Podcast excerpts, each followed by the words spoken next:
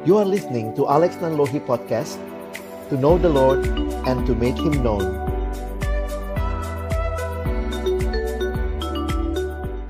Mari berdoa sebelum kita membaca merenungkan firman-Nya. Kami datang dalam ucapan syukur karena Tuhan baik dan menyatakan kebaikan-Mu dalam hidup kami. Terima kasih untuk perjalanan bersama, bersama dengan Tuhan, bersama dengan teman-teman kami dalam satu semester ini secara khusus menikmati rangkaian persekutuan Jumat yang Tuhan berikan kepada kami. Kami sekali lagi menaikkan ucapan syukur kami boleh tiba di hari yang terakhir dalam persekutuan Jumat semester ini, di tahun ini, dan juga di dalam akhir pembahasan dari kitab pengkhotbah. Satu kitab yang kami rindukan membaharui hidup kami untuk melihat apa itu hidup. Bagaimana memaknai hidup dan bagaimana kehadiran kami dalam dunia milik Tuhan boleh benar-benar terkoneksi dengan Tuhan pemilik hidup dan pelayanan kami. Kami akan membuka firman-Mu, kami mohon bukalah juga hati kami, jadikanlah hati kami seperti tanah yang baik, supaya ketika benih firman-Mu ditaburkan, boleh sungguh-sungguh berakar, bertumbuh, dan juga berbuah nyata dalam hidup kami. Berkati hambamu yang menyampaikan semua kami yang mendengar, Tuhan tolonglah kami semua, agar kami bukan hanya jadi pendengar-pendengar firman yang setia, tapi mampukan dengan kuasa dan pertolongan dari rohmu yang kudus, kami dimampukan menjadi pelaku-pelaku firman-Mu di dalam kehidupan kami, di dalam masa muda kami. Bersabdalah ya Tuhan, kami umat-Mu siap mendengarnya. Dalam satu nama yang kudus, nama yang berkuasa, nama Tuhan kami Yesus Kristus kami menyerahkan pemberitaan firman-Mu. Amin. Shalom, selamat siang teman-teman sekalian. Bersyukur kita boleh tiba di semua ini akhir-akhir-akhir gitu ya. Ini bulan yang terakhir, PJ yang terakhir di bagian kitab yang terakhir ya. Saya akan coba share screen dulu dari apa yang saya siapkan. Jadi tema hari ini topik kita adalah My Youth is in Your Hand. Kita bersyukur kepada Tuhan melihat bagaimana Tuhan memberikan kepada kita satu kitab seperti pengkhotbah ini.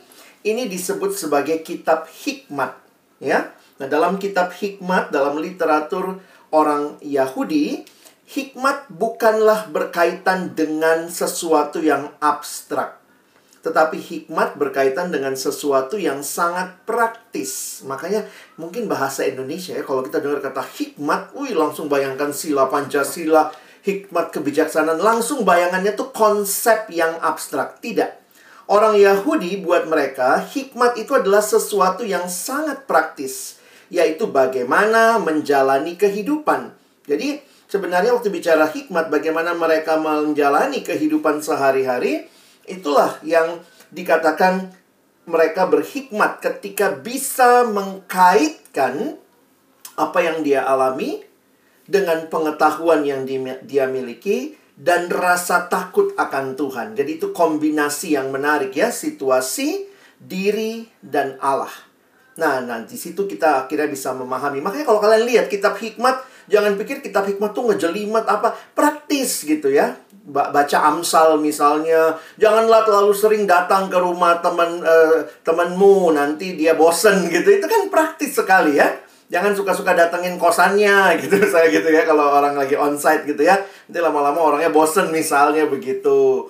Nah, jadi teman-teman dalam bagian terakhir menarik sekali kalau kalian perhatikan memang ini ditulis untuk orang muda nampaknya ya. Nah, orang muda ini ya, teman-teman masih muda lah ya dan abang juga pernah muda. Sampai sekarang pun suka berasa muda ya, lupus. Lupa usia gitu karena melayani mahasiswa rasanya muda terus ya.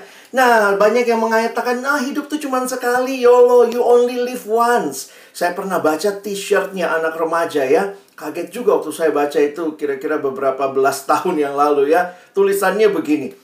Masa kecil bahagia, masa muda foya-foya, masa tua kaya raya, mati masuk surga. Wih, rasanya yang make lagi-lagi waktu itu anak kecil ya, anak remaja maksudnya. Langsung kebayangnya, wow, kalau ada hidup seperti ini, abang daftar pertama. Sayangnya hidup tidak melulu seperti itu.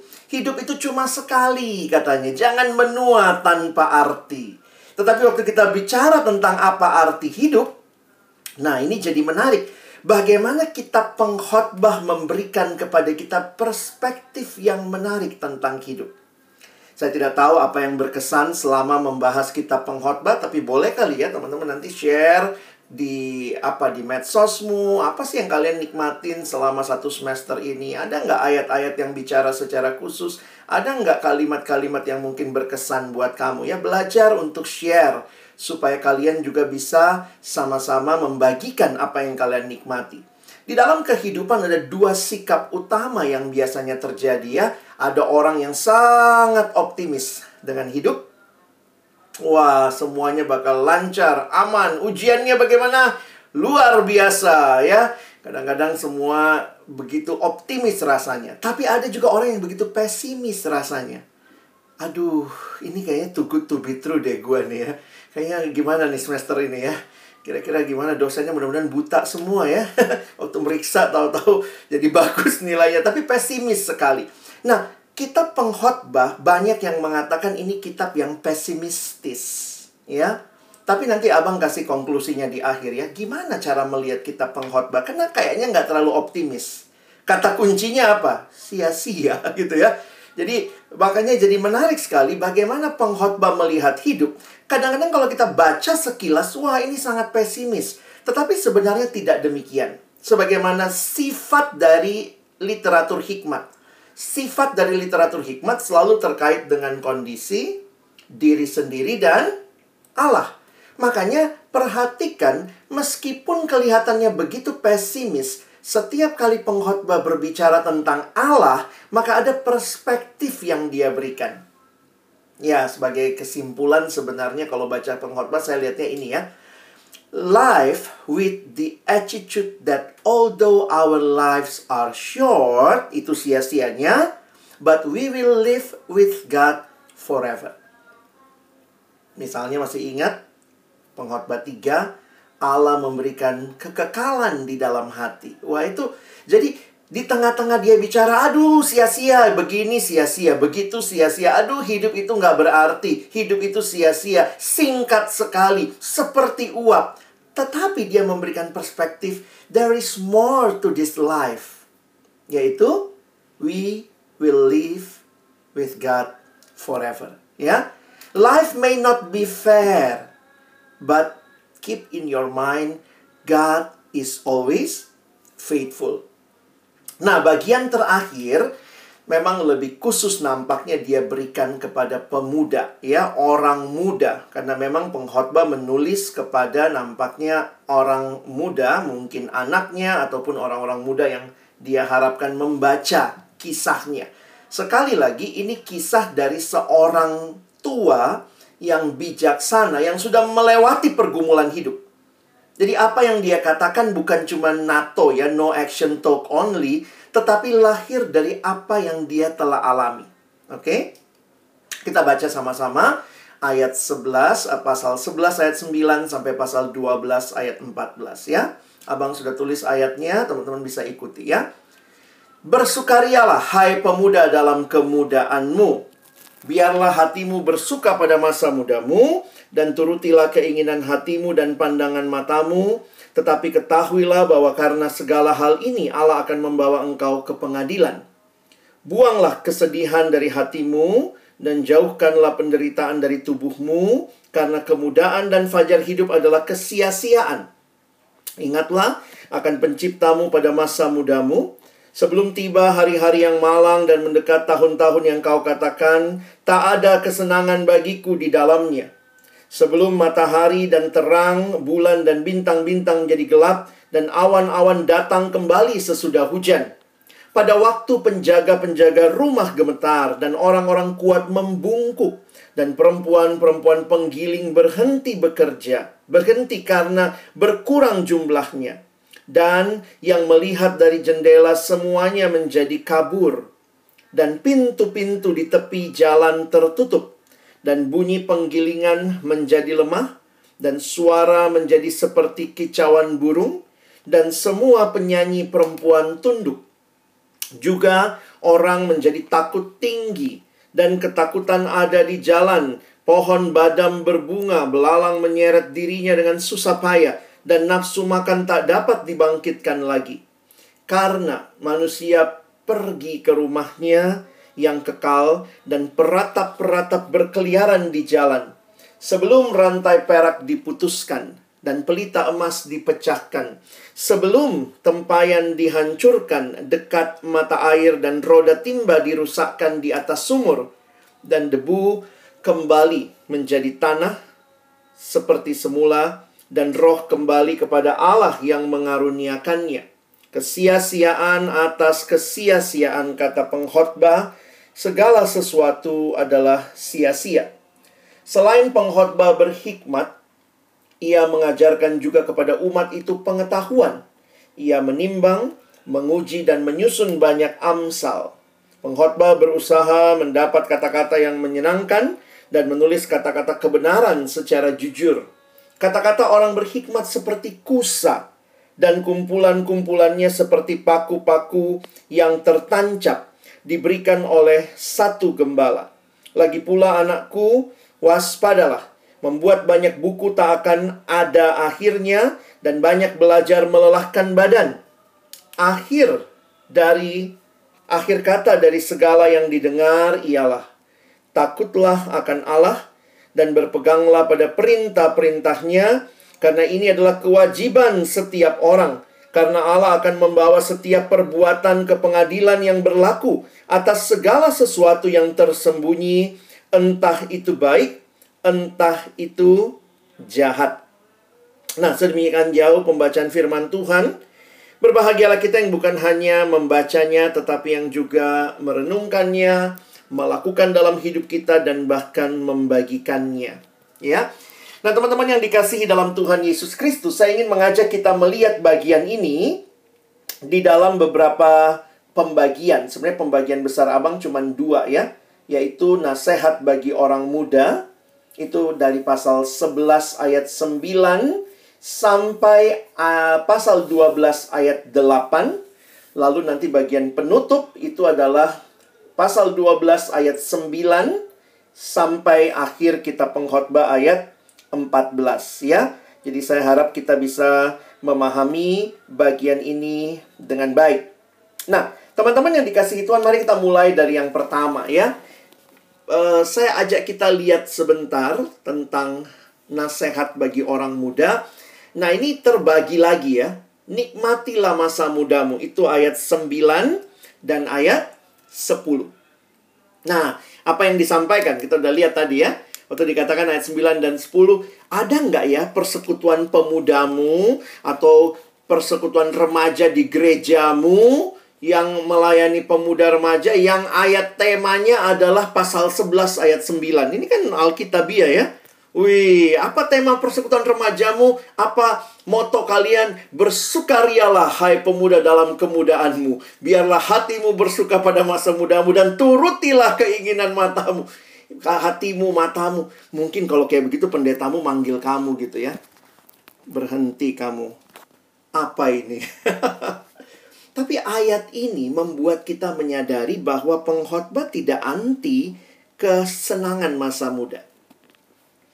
Tetapi pengkhotbah memberikan kepada orang muda ini pagarnya apa? Silahkan lakukan kadang-kadang anak muda Apa mau panjat gunung silahkan. Mau panjat tebing silahkan. Mau menaklukkan hati Woi, silahkan. Tapi di, dikasih poinnya apa? Ingat. Yang kita harus ingat adalah itu. Yang digambarkan bagaimana Allah akan membawa semua ini ke pengadilan. Berarti di sini digambarkan tentang kebebasan, tetapi kebebasan yang ada batasnya.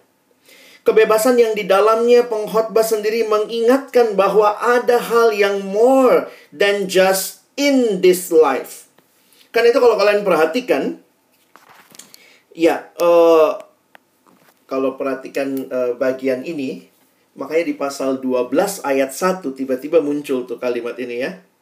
Apa kalimatnya? Ingatlah penciptamu pada masa mudamu. Kenapa ya? Dikatakan tentang ingatlah pencipta. Kenapa yang diingat Allah sebagai pencipta? Nah, ini kalau kalian mau renungkan menarik juga. Kenapa tidak diingat Allah sebagai apa? Uh, gembala, Allah sebagai pemelihara, Allah sebagai uh, apa penolong begitu. Tapi yang diminta untuk ingat adalah ingatlah penciptamu pada masa mudamu. Siapakah pencipta kita? Ingatlah penciptamu selagi engkau muda. Itu yang dikatakan oleh Alkitab BIS bahasa Indonesia sehari-hari karena memang orang muda tuh kadang lupa Tuhan ya. Lupa Tuhan, lupa diri jadi tambah pusing lah. Kalau udah tua tuh opung-opung, engkong-engkong, opa-oma kayaknya otomatis tuh inget Tuhan ya. Udah bobo tanah gitu kali ya. Orang muda ini kadang merasa, wah, I will live forever. Nah, ada dua alasan yang diberikan pengkhotbah. Kenapa harus ingat pencipta pada masa muda? Makanya saya abang lagi pikir-pikir gini ya. Apa mengingat Tuhan sebagai pencipta itu menolong kita mengerti tujuan. Karena semua yang dicipta pasti tujuannya ada pada penciptanya. Begitu kan? Setuju ya? Kadang-kadang orang bilang, anak sekarang pokoknya find your your uh, yourself, find your goal in yourself. Saya pikir itu nggak alkitabiah ya tidak pernah ciptaan itu menemukan tujuannya dari dalam dirinya. Itu bukan tipikal penciptaan. Kalau sesuatu dicipta, maka goal, tujuan penciptaannya ada pada penciptanya. Makanya jangan bicara misalnya kamu uh, ya misalnya abang apa ya ciptakan saya ciptakan botol minum ini ya saya ciptakan tumbler ini lalu kemudian tumbler ini menemukan tujuan hidupnya dicipta ih tumbler ajaib dia ya. Dia harus tanya sama saya. Demikian juga orang muda yang dicipta oleh Tuhan ingat penciptamu.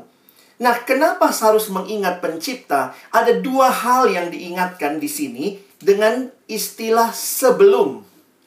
Ya. Sebelum. Sebelum apa? Ada dua sebelum ya. Kita lihat yang pertama dulu. Kalau kalian lihat terjemahan bahasa Indonesia sehari-hari, jadi Abang pakai beberapa terjemahan ya. BIS. Sebelum tiba tahun-tahun penuh sengsara, pada masa itu engkau katakan, ah, hidupku tidak bahagia. Kapan itu? Kapan kamu dan saya sudah mulai merasa tidak bahagia? Ini kalimat Alkitab ya. Pada sebelum yang pertama, sebelum usia tua. Aduh teman-teman memang makin tua ini makin banyak aja gitu ya Entah penyakit lah, entah apalah ya Kalau percakapan anak remaja gitu ya Woi gimana lu udah pacaran sama siapa gitu ya Lu gimana nih? Mau kuliah di mana? Habis kuliah lu mau kerja apa? Itu percakapan umur-umur kalian ya. Kalau percakapan umur abang udah mulai beda gitu. Eh minum obat apa? Kaki lu sakit. Oh asam urat juga ya. Oh lu pakai lu dokter mana? Gitu ya. Jadi percakapannya udah wow dokter mana yang terbaik begitu ya. Kalau kalian mungkin masih dokter ini ya uh, eh lu uh, facialnya apa?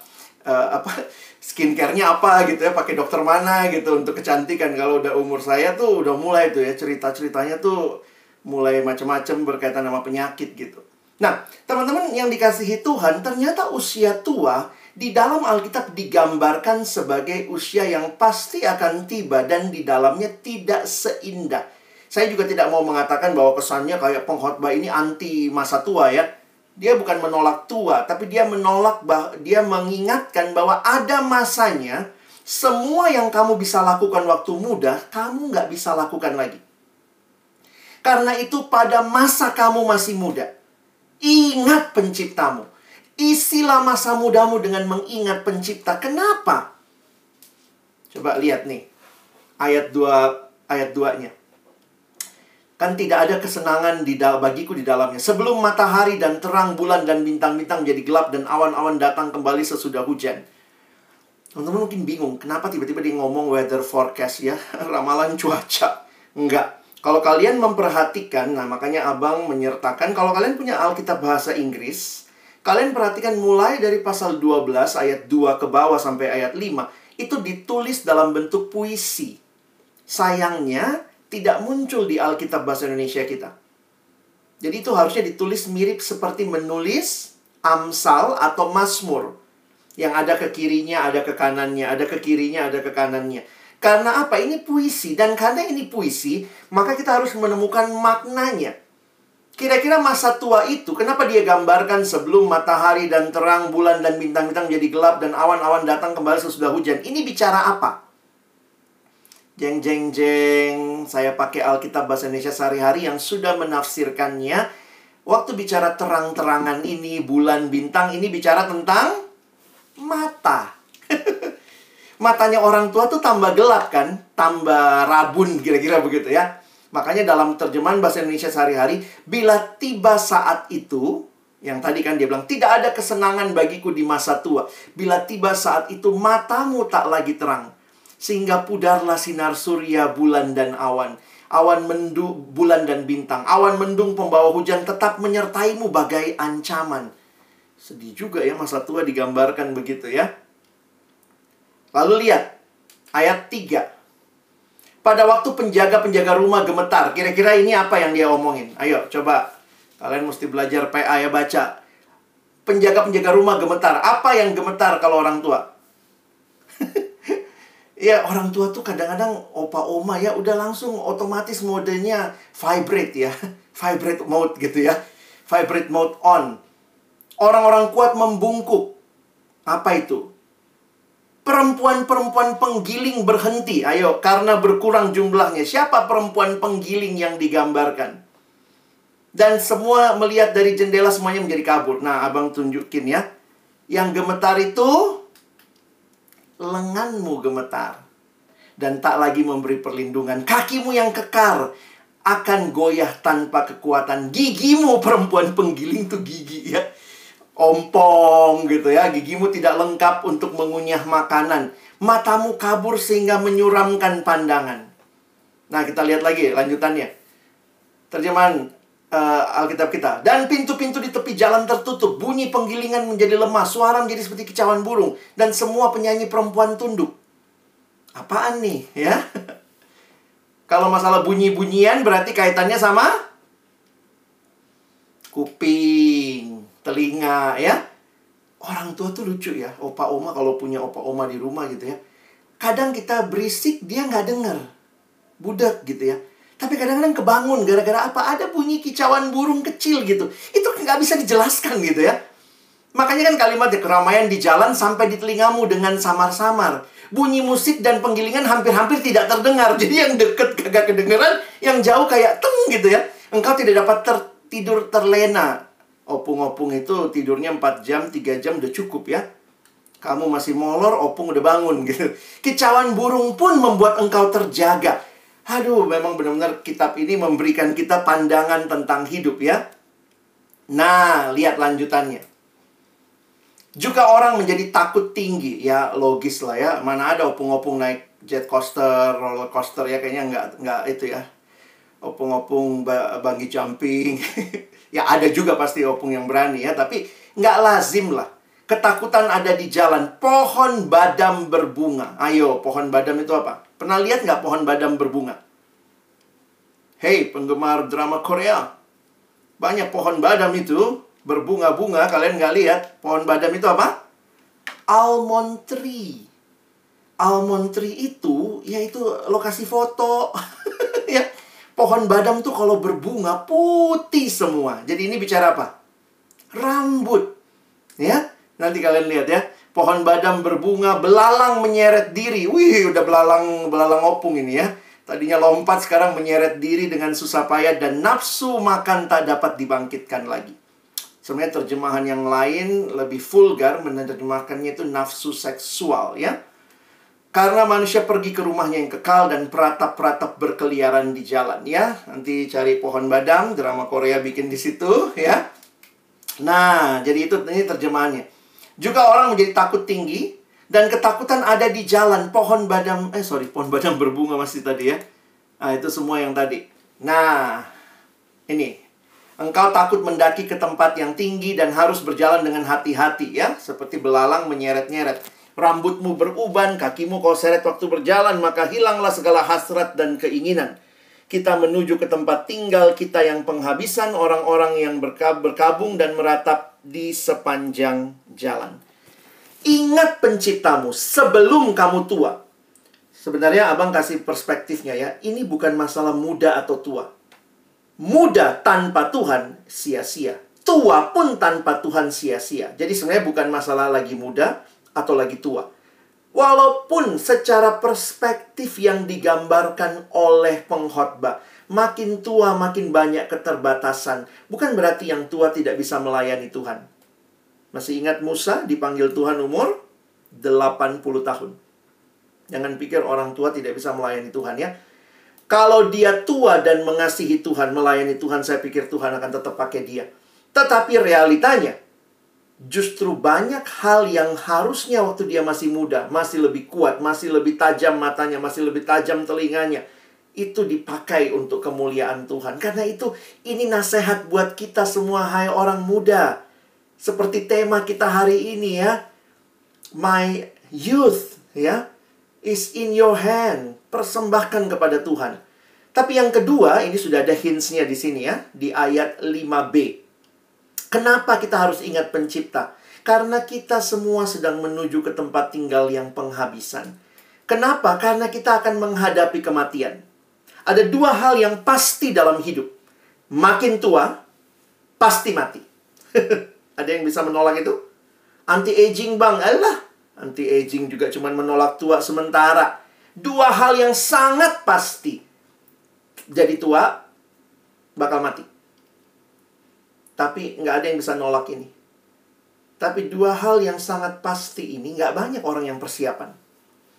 Ya, kalau lulus kamu belum tentu lulus loh, belum pasti. Tahu-tahu kampus tutup, dibubarkan itu nggak pasti. Uh, nggak ada hal yang pasti selain dua hal ya, makin tua bakal mati. Dan diingatkan harusnya kita siap untuk hal itu. Orang muda dikasih perspektif kekekalan. Orang muda dikasih perspektif masa tua. Supaya benar-benar ingat penciptamu pada masa mudamu.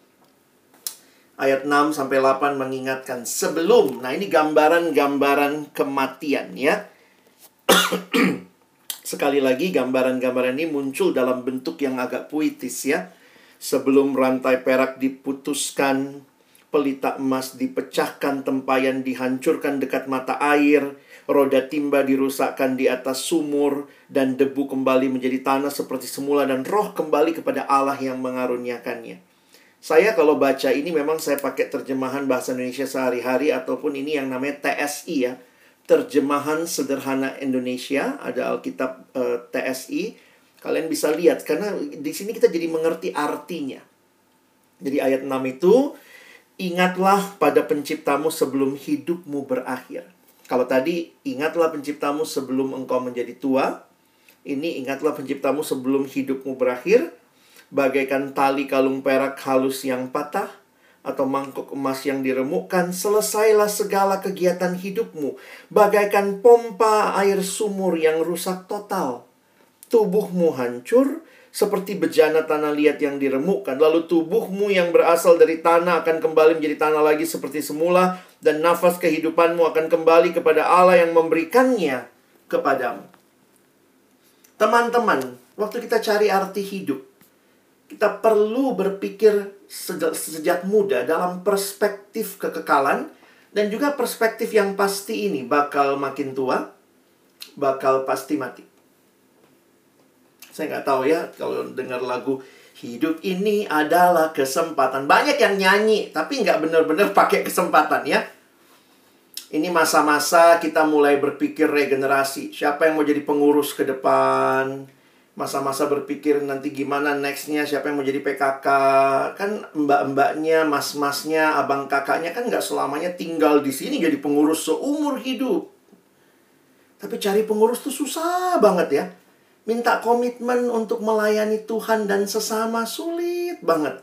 Kadang-kadang saya mikir gitu ya, kalau kalian yang dengar firman ini dan kalian sedang bergumul, ingatlah lagu ini ya. Hidup ini adalah kesempatan. Kamu yang bilang, aduh bang, saya kayaknya mau cari kesempatan yang lain. Oke, okay, Mau ikut apa? Debat-debat bagus juga. Itu di kampus hukum kan banyak banget ya CV-nya nanti ditambahin tuh. Pernah lomba debat ini, pernah ikut ini, pernah ikut pengadilan semu, saking semuanya nggak pernah kelihatan gitu ya. Semua gitu ya. Tapi pertanyaannya, untuk hal-hal yang pasti di mana Tuhan panggil kita contribute to His kingdom, what would you say? Apa apa jawabanmu? Kita hidup cuma satu kali loh. Saya bukan berkata itu tidak penting ya. Mungkin kamu berpikir ya untuk pengalamanmu, CV-mu, segala macam. Tapi mari berpikir juga. Kalau Tuhan lihat CV-mu, apakah Tuhan bangga? Mungkin your next employee will very proud of you. Karena di CV-mu tertulis semua yang luar biasa. Tetapi untuk kerajaan Allah, apakah kita membanggakan Tuhan juga yang sudah panggil kamu dan saya. Hidup itu terbatas, teman-teman. Ayat 8 menyimpulkan kesia-siaan atas kesia-siaan kata pengkhotbah segala sesuatu adalah sia-sia. Nah, ini kata kunci ya, sedikit kesimpulan kalau kalian lihat dari pasal 1 udah muncul sia-sia sampai di akhir tuh. Munculnya sampai kira-kira 30 kali, teman-teman.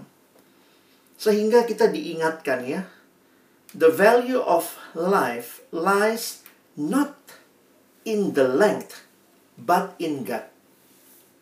Ya, ini kalimat like this ini ya. The value of life lies not in the length. Bukan seberapa panjang engkau hidup. Tapi apakah engkau hidup di dalam Tuhan. Oke? Okay? Nah, sebagai penutup ya, setelah bicara kepada orang muda, mengingatkan akan masa tua dan kematian yang pasti itu, maka pengkhotbah menutup bagian ini dengan ayat 9 sampai ayat yang ke-14 ya. Kesimpulannya sederhana, takutlah akan Tuhan, tapi juga nikmati hidup. Jangan berpikir kalau kamu ikut Tuhan kamu nggak nikmati hidup. Enggak. Ingat tadi ya, pengkhotbah ingatkan ikuti apa yang kamu sukai, kamu senangi. Makanya orang muda kalau mau berkembang silahkan, tapi selalu takut akan Tuhan. Jadi berarti pengkhotbah menawarkan sebuah kehidupan yang bisa dijalani, menikmati hidup dan takut akan Allah. Dunia ini kan selalu bilang begini, kalau kamu ikut Tuhan, gak nikmat hidupmu. Wah, nggak begitu teman-teman. Ya, it's not either or. Kamu bisa nikmati itu. Nah, bagaimana menikmati hidup? Ya, waktu takut akan Allah. Maka perhatikan ya. Ayat 9. Nah, ini sedikit refleksi tentang pengkhotbah tentang dirinya. Selain pengkhotbah berhikmat, ia mengajarkan juga kepada umat itu pengetahuan. Ia menimbang, menguji dan menyusun banyak amsal. Saya kutip dari satu tafsiran, hikmat sang pengkhotbah tidak hanya dalam tidak hanya uh, atas ya maaf, atas kebijaksanaan yang dimilikinya tetapi juga dalam kemampuannya untuk membagikan kebijaksanaan ini ya. Banyak orang punya pemahaman, tapi nggak bisa semua orang mengajarkan. Nah, pengkhotbah punya dua-duanya. Kalian mungkin pernah lihat ya, ada dosen pinter banget tapi nggak bisa ngajar. Kenapa? Karena dia hikmatnya mungkin banyak tapi nggak terampil mengajarkan. Nah, ini pengkhotbah share ya. Tidak hanya atas kebijaksanaan yang dia miliki, tapi juga dalam kemampuannya untuk mengajarkan. Karena itu kalau kalian perhatikan, nah di sini ya, nah lihat aja. Saya langsung menafsirkan. Perhatikan kiri ayatnya, kanan uh, ininya ya, penjelasannya. Kata-kata, ucapan dan tulisan yang bijak dan benar memiliki kekuatan yang besar pertama untuk membangun seperti uh, untuk membangun itu yang pertama ya. Yang kedua, nah ini memang tidak kelihatan. Mungkin kamu bingung apa itu kusa? K-U-S-A. Dalam bahasa Inggris dipakai istilah goat, G-O-A-D, itu seperti tongkat yang dipakai untuk memandu lembu. Makanya uh, saya coba menyimpulkan uh, tiga ayat ini bahwa pengkhotbah berbicara bahwa kata-kata yang dia tuliskan, yang bijak, yang benar itu pertama membangun, juga seperti kusa tongkat yang digunakan memandu lembu saat membajak itu ternyata di di tongkatnya itu bisa dikasih sedikit kayak bambu yang runcing supaya kalau di misalnya uh, keboknya itu udah uh, udah serong dipukulin gitu dia balik lagi tuh. Nah itu kusa makanya dibilang kata-kata orang berhikmat seperti kusa dan kumpulan kumpulannya seperti paku-paku. Nah paku-paku itu untuk menopang. Jadi saya pikir Amsal yang dituliskan ini atau hikmat yang dituliskan dalam kitab-kitab hikmat, literatur hikmat adalah untuk membangun, untuk memandu, memberi arah, dan juga untuk menopang. Dan yang terpenting, perhatikan ayat 11 bagian akhir. Seperti paku-paku yang tertancap diberikan oleh satu gembala. Maka saya menyimpulkan, dan yang terpenting, Kata-kata bijak ini pada akhirnya diberikan kepada kita bukan oleh pengkhotbah, tetapi oleh Tuhan gembala yang satu itu. Nah, kalau udah baca begini jangan salah baca ayat 12 jadiin tema hidup. Lagi pula anakku waspadalah membuat banyak buku tak akan ada akhirnya dan banyak belajar melelahkan badan. Puji Tuhan ada ayat kayak begini. Maksudnya pengkhotbah mau mengatakan ketika semua itu kamu cuma andalkan kekuatanmu, nggak ada gunanya.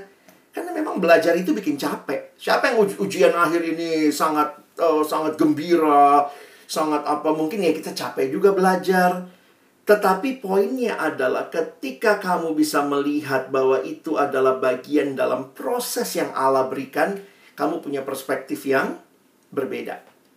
Nah, yang terakhir ya, ayat 13 dan 14. Saya harap kalian kalau uh, bahas satu kitab tuh ngerti ayatnya ya. Jadi jangan cuma ini apaan sih artinya. Coba cari tahu ya. Kusa itu apa? Oh, itu goat gitu ya. Itu tongkat dan seterusnya ya. Akhir kata dari segala yang didengar, takutlah akan Allah dan berpeganglah pada perintah-perintahnya, karena ini adalah kewajiban setiap orang. Karena Allah akan membawa setiap perbuatan ke pengadilan yang berlaku atas segala sesuatu yang tersembunyi, entah itu baik, entah itu jahat. Kalimat yang saya tuliskan di akhir, solusi kehidupan bukan terletak pada hidup itu sendiri, melainkan pada Allah. That's how we uh, uh view life. Begitu cara kita melihat hidup. Dengan demikian, penutup kitab pengkhotbah memberikan kita jawaban tentang apa yang harus dilakukan. Ya, mungkin kalau kamu baca dari awal, aduh ini sia-sia, aduh itu sia-sia, bangun ini sia-sia, baca banyak buku sia-sia. Lalu kamu oke, okay, kalau gitu mati aja deh, bunuh diri. Enggak. Takutlah akan Allah dan berpeganglah pada perintah-perintahnya. Sebab Allah akan membawa setiap perbuatan ke pengadilan, entah itu baik, entah itu jahat. Jadi teman-teman, Pengkhotbah mengingatkan setiap orang bahwa makna hidup tidak terletak pada kesuksesan materi karena kalau kita yakini ini Salomo yang tulis dia orang yang kaya raya. Bukan cuma kaya raya ya. Sangat kaya raya. Dan banyak hal dia punya. Perempuan-perempuan juga jadi istrinya. Wih hebat ya. Istri eh, 700 ya kalau nggak salah ya. Istri 700 gundik 300 total Seribu. itu sorry ya, kalau ketemu sehari satu tuh tiga tahun baru ketemu lagi. Eh, lu yang tiga tahun lalu ya? iya kan? Seribu loh, sehari satu ketemu, tiga tahun lagi baru ketemu lagi gitu. Tapi jangan salah ngerti ya, Salomo bukan maniak seks. Tapi pada masa itu, perkawinan terjadi dalam kaitan politik. Ketika sebuah bangsa takluk kepada bangsa yang lain, takut sama bangsa yang lain, biasanya mereka mempersembahkan anak mereka untuk jadi perkawinan dalam kontrak ya. Nah, kalau misalnya satu putri kerajaan mana bawa 10 dayang-dayang itu udah terhitung semua juga jadi bagiannya uh, si raja lah kira-kira begitu ya. Nah, tapi ingat juga itu tidak dipuji di Alkitab ya. Dikatakan karena istri-istrinya yang banyak itu mencondongkan hati Salomo kepada Allah-Allah mereka. Jadi tidak semua yang ditulis di Alkitab harus kita lakukan. Ada orang suka gitu ya. Eh, Salomo aja istrinya banyak. Aku makanya pacarnya di setiap fakultas ada. Eh, sok cakep banget kamu ya. Enggak, gak bisa. Kenapa Salomo kamu pakai patokan? Ingat loh, baca ceritanya Salomo secara utuh. Itu bukan hal yang baik. Itu bukan hal yang harus dilakukan. Nah, pengkhotbah mengingatkan bahwa setiap orang bahwa makna hidup tidak terletak pada kesuksesan materi yang dicapai dalam dunia ini. Kepuasan seperti itu sifatnya sementara dan sia-sia. Namun, orang yang menaruh harapannya dalam takut akan Tuhan adalah orang yang berhikmat. Sebab ia tahu bahwa Tuhan itu sumber hikmat dan pengetahuan. sekali lagi kita belajar semester ini kitab hikmat. Karena itu, biarlah waktu kita sudah selesai, kita makin berhikmat melihat hidup. Masih ingat yang abang bilang tadi? Lihat situasi, lihat dirimu, lihat Tuhan, kamu mengambil keputusan, kamu disebut orang berhikmat. Kalau kamu cuma lihat situasi, memutuskan, belum tentu berhikmat. Kamu hanya lihat situasi dan dirimu, memutuskan, belum tentu berhikmat. Tetapi ketika kamu bisa dalam kapasitas, situasi, diri, Tuhan, kamu mengambil keputusan, maka itulah ciri dari orang yang berhikmat. Selalu melibatkan Tuhan dalam berbagai situasi. Jadi hikmat sekali lagi bukan konsep. Apakah di dalam hikmat ada pengetahuan? Ada.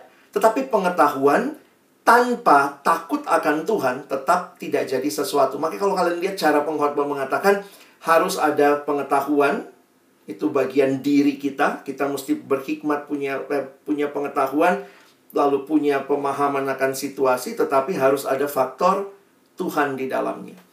Nah, demikian juga kalian anak-anak hukum mari merencanakan hidupmu dengan berhikmat. Tuhan, saya dapat kesempatan nih. Apa? Kesempatan ikut apa? untuk nambah CV misalnya debat atau apa gitu ya lalu memang saya juga dengan itu kan pengetahuan saya bertambah ya tapi tanya Tuhan mau nggak kira-kira Tuhan lewat ini saya belajar apa Tuhan kasih kesempatan selalu selalu kaitannya diri saya situasi situasi juga bisa orang lain di sekitar kita dan Tuhan nah hikmat itu keputusan-keputusan praktis yang kita ambil karena kita mengenal Tuhan mengenal diri dan mengenal situasi Oke? Okay? Abang juga bergumul dulu ya. Saya dulu kan uh, waktu di FISIP ikut mahasiswa awal gitu saya kena seneng nyanyi ya ikut para kita juga dulu jadi ikut para kita gitu ya konser-konser gitu mau keluar negeri kita waktu itu nah cuma saya harus berpikir mendalam waktu itu karena saya juga sadar saya punya keterbatasan dan uh, saya ditawarkan jadi pengurus di kampus saya ditawarkan jadi pemimpin kelompok kecil. Jadi di masa itu saya harus bergumul di hadapan Tuhan. Berhikmat bisa jadi untuk saya sama teman saya beda ya. Saya akhirnya memutuskan keluar dari para gita karena saya mau melayani di PO. Teman saya memutuskan tetap di para gita gitu ya. Jadi memang Tuhan pimpin setiap orang beda. Kita nggak bisa saling menilai, saling menghakimi. Tapi yang penting adalah kita mempertanggungjawabkan bagian yang kita pilih di hadapan Tuhan. Kenapa? Karena kita memutuskannya bersama Tuhan. Dan saya pikir itu dalam hidup tuh ada banyak keputusan-keputusan harus berhikmat. Ya, walaupun mungkin kayaknya kecil gitu ya. Jadi bukan cuma lihat kesempatan ambil, lihat kesempatan ambil, pokoknya CV-nya nambah. Tanya dulu Tuhan mau nggak atau mana tahu Tuhan bilang coba kamu ambil yang lain untuk membangun karaktermu. Siapa tahu menjadi pengurus di PO itu jadi bagian yang Tuhan bukakan buat kamu. Ya. Jadi jangan hanya sekadar mengikuti yang kita mau, yang terbuka, yang apa kita harus punya hikmat yang dari Tuhan ya. Sebagai aplikasi saya coba tutup dengan beberapa uh, pemikiran ya. Nah, kalau kalian pernah lihat ada ada lukisan ya, lukisan tentang prudence. Prudence itu kebijaksanaan ya. Ada seniman Venesia, Titian, memotret kebijaksanaan sebagai lelaki berkepala tiga. Nah, ini muncul di lukisannya ya. Ini lukisannya. Jadi kalau kalian tahu, ada laki-laki kepala tiga, di bawahnya ada tiga hewan.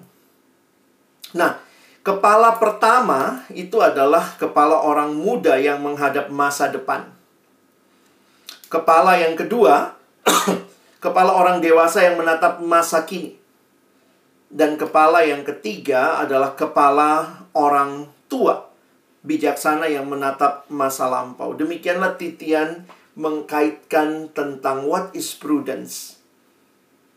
Nah, dalam di atasnya, nah sayangnya nggak terlalu kelihatan ya. Nanti kalau kalian lihat di atasnya itu sebenarnya di atas kepala mereka ada tulisan. ada ungkapan dalam bahasa Latin. Nanti kalau kalian coba googling aja ya, ini gambar abang terlalu gelap.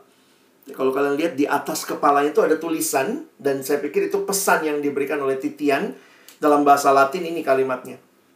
Ex praeteritio praesens prudenter agit ne futura actione deturpet. artinya, saya juga nggak tahu ya. Ini artinya. From the experience of the past, the present acts prudently, lest it spoil future actions. Jadi, dari contoh masa lalu, manusia kini, masa kini bertindak bijaksana supaya tidak menghancurkan masa depan. Nah, ini kira-kira pesan yang mau disampaikan oleh Titian. Bagi saya, baik sekali. Itulah hidup manusia dalam dunia. Tapi apa bedanya dengan kita anak Tuhan? Melihat ke belakang, melihat ke sini, melihat ke depan. Nah, itu semua orang juga begitu ya. Makanya kebijaksanaannya dunia ya sebegitu aja. Tapi saya pikir Titian tidak menggambarkan hikmatnya Alkitab. Karena hikmat kita not only look back, look now and look to the future, but also we need to look up. Inilah kebijaksanaan Kristiani. Di mana Allah terlibat. Dia pencipta. Ingat hidupmu milik dia. Kalau begitu mau diapa-apain hidupmu, konsul sama pemiliknya. Kamu ngekos, kamu mau dekorasi kosmu, kamu mau ganti, kamu mau ganti apanya, kamu mesti konsultasi sama yang punya kosan. Jangan sok merasa ini kosanmu begitu ya. Oh, masih banyak yang belum ngekos ya. Belum pernah ini ya, belum pernah ke kampus kali ya. Jadi kalau ditanya, kitab ini pesimis kah? Saya pikir tidak. Bukan pesimis, bukan optimis. Kitab pengkhotbah adalah sebuah kitab yang realistis berpengharapan hopeful realism. Bahwa memang realita tidak seindah apa yang seharusnya, tetapi kita tidak pernah diminta untuk menyerah. There is always hope in Christ. Kenapa? Hidup itu dari Tuhan. Itu disimpulkan di dalam pengkhotbah 3 ya. Kalau kita baca pengkhotbah tuh jelas banget. Dia mengingatkan kita bahwa setiap orang dapat makan dan minum menikmati kesenangan dalam segala jeripayanya itu juga adalah pemberian dari Allah. Jadi jangan cuma mau pemberiannya, nggak mau Allahnya. You need to also love the giver, not only love the gift. Dan apa yang paling indah? Karena Tuhan Yesus yang satu-satunya pribadi yang memberikan hidup yang benar-benar hidup. Di perjanjian baru, Paulus bicara hikmat is not only a concept, but hikmat Wisdom is a person. And that person is Jesus. Wow, ini indah sekali ya. Wisdom is not only a concept, but wisdom is a person. It's Jesus yang kedatangannya beda sama pencuri. Pencuri si iblis 3M itu programnya. Mencuri, membunuh, membinasakan. Tapi Yesus datang untuk memberi hidup. Dan memberinya dalam segala kelimpahan. Terjemahan bahasa Indonesia masa kini mengatakan memberikan hidup yang berlimpah-limpah. Bagaimana bisa kita dapat hidup yang berlimpah-limpah itu? Ingat, ini Yohanes 10 ayat 10. Gimana dapat Yohanes 10 ayat 10? Karena ada yang Tuhan lakukan buat kita. Di Yohanes 10 ayat 11. Akulah gembala yang baik. Gembala yang baik memberikan nyawanya untuk domba-dombanya. Teman-teman, kita bisa berhikmat karena kita terima Yesus dalam hidup kita. Kita benar-benar hidup dipimpin oleh Tuhan. Kita menyerahkan seluruh kendali hidup kita, aspek hidup kita, serahkan kepada Tuhan ya. Studimu, keluarga, jadikan kemuliaan Tuhan sebagai pusat dari semua yang kamu lakukan. Jadi bisa nggak nikmati hidup? Bisa. Boleh nggak main? Boleh nggak nonton drama Korea? Bisa. Tapi selalu ingat untuk kemuliaan Tuhan nggak? Kalau galiran ngedrama nggak belajar, ya udah nggak kemuliaan Tuhan tuh ya. Makanya ada yang nanya, jadi menurut abang tuh gimana batasannya? Saya bilang batasannya sederhana. Kalau hal-hal yang kamu harus lakukan tidak kamu lakukan, kamu tuh pelajar. Maka kamu utamanya belajar, studi. Kamu bukan penonton drama. Jadi sebenarnya belajarnya yang utama, nonton dramanya sambilan. Tapi kalau kebalik, nonton dramanya yang utama, belajarnya sambilan, nah kamu udah kehilangan tuh. Ngegame boleh nggak bang? Oh boleh, Tuhan yang ngasih kok. Game is a leisure, but apakah untuk kemuliaan Tuhan ketika memang kamu lakukan itu bukan sebagai sesuatu yang kecanduan.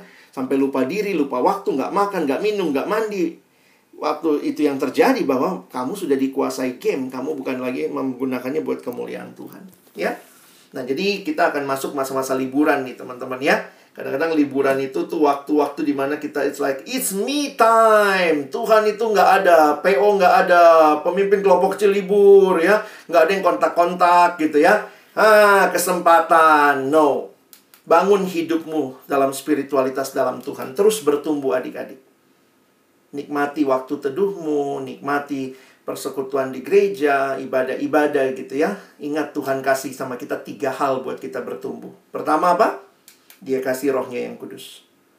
Hadir dalam hidup kita, memimpin kita. Yang kedua Tuhan kasih apa? Firman Tuhan. Ayo baca renungkan tiap hari. Dan juga Tuhan kasih komunitas. Walaupun libur tetap saling komunikasi ya. Tetap saling ingatkan, saling membangun supaya nanti Januari, Februari kita masuk lagi kita sama-sama tetap segar dan bertumbuh dalam Tuhan. Kiranya Tuhan menolong, kita bukan cuma jadi pendengar, tapi jadi pelaku firman. Mari berdoa. Bapak Surgawi, terima kasih buat firman-Mu, kita pengkhotbah yang begitu indah. Mengingatkan kami bahwa hidup ini adalah sebuah realita yang di dalamnya kami selalu punya pengharapan. Karena kami memiliki Tuhan yang juga adalah pencipta kami. Bahkan di perjanjian baru engkau Tuhan yang bukan hanya mencipta tapi menebus kami. Menyerahkan nyawamu bagi kami. Karena itu kami milikmu Tuhan, bagimulah seluruh hidup kami. My youth, my life, I give into your hand. Di dalam nama Yesus kami bersyukur, kami berdoa. Amin.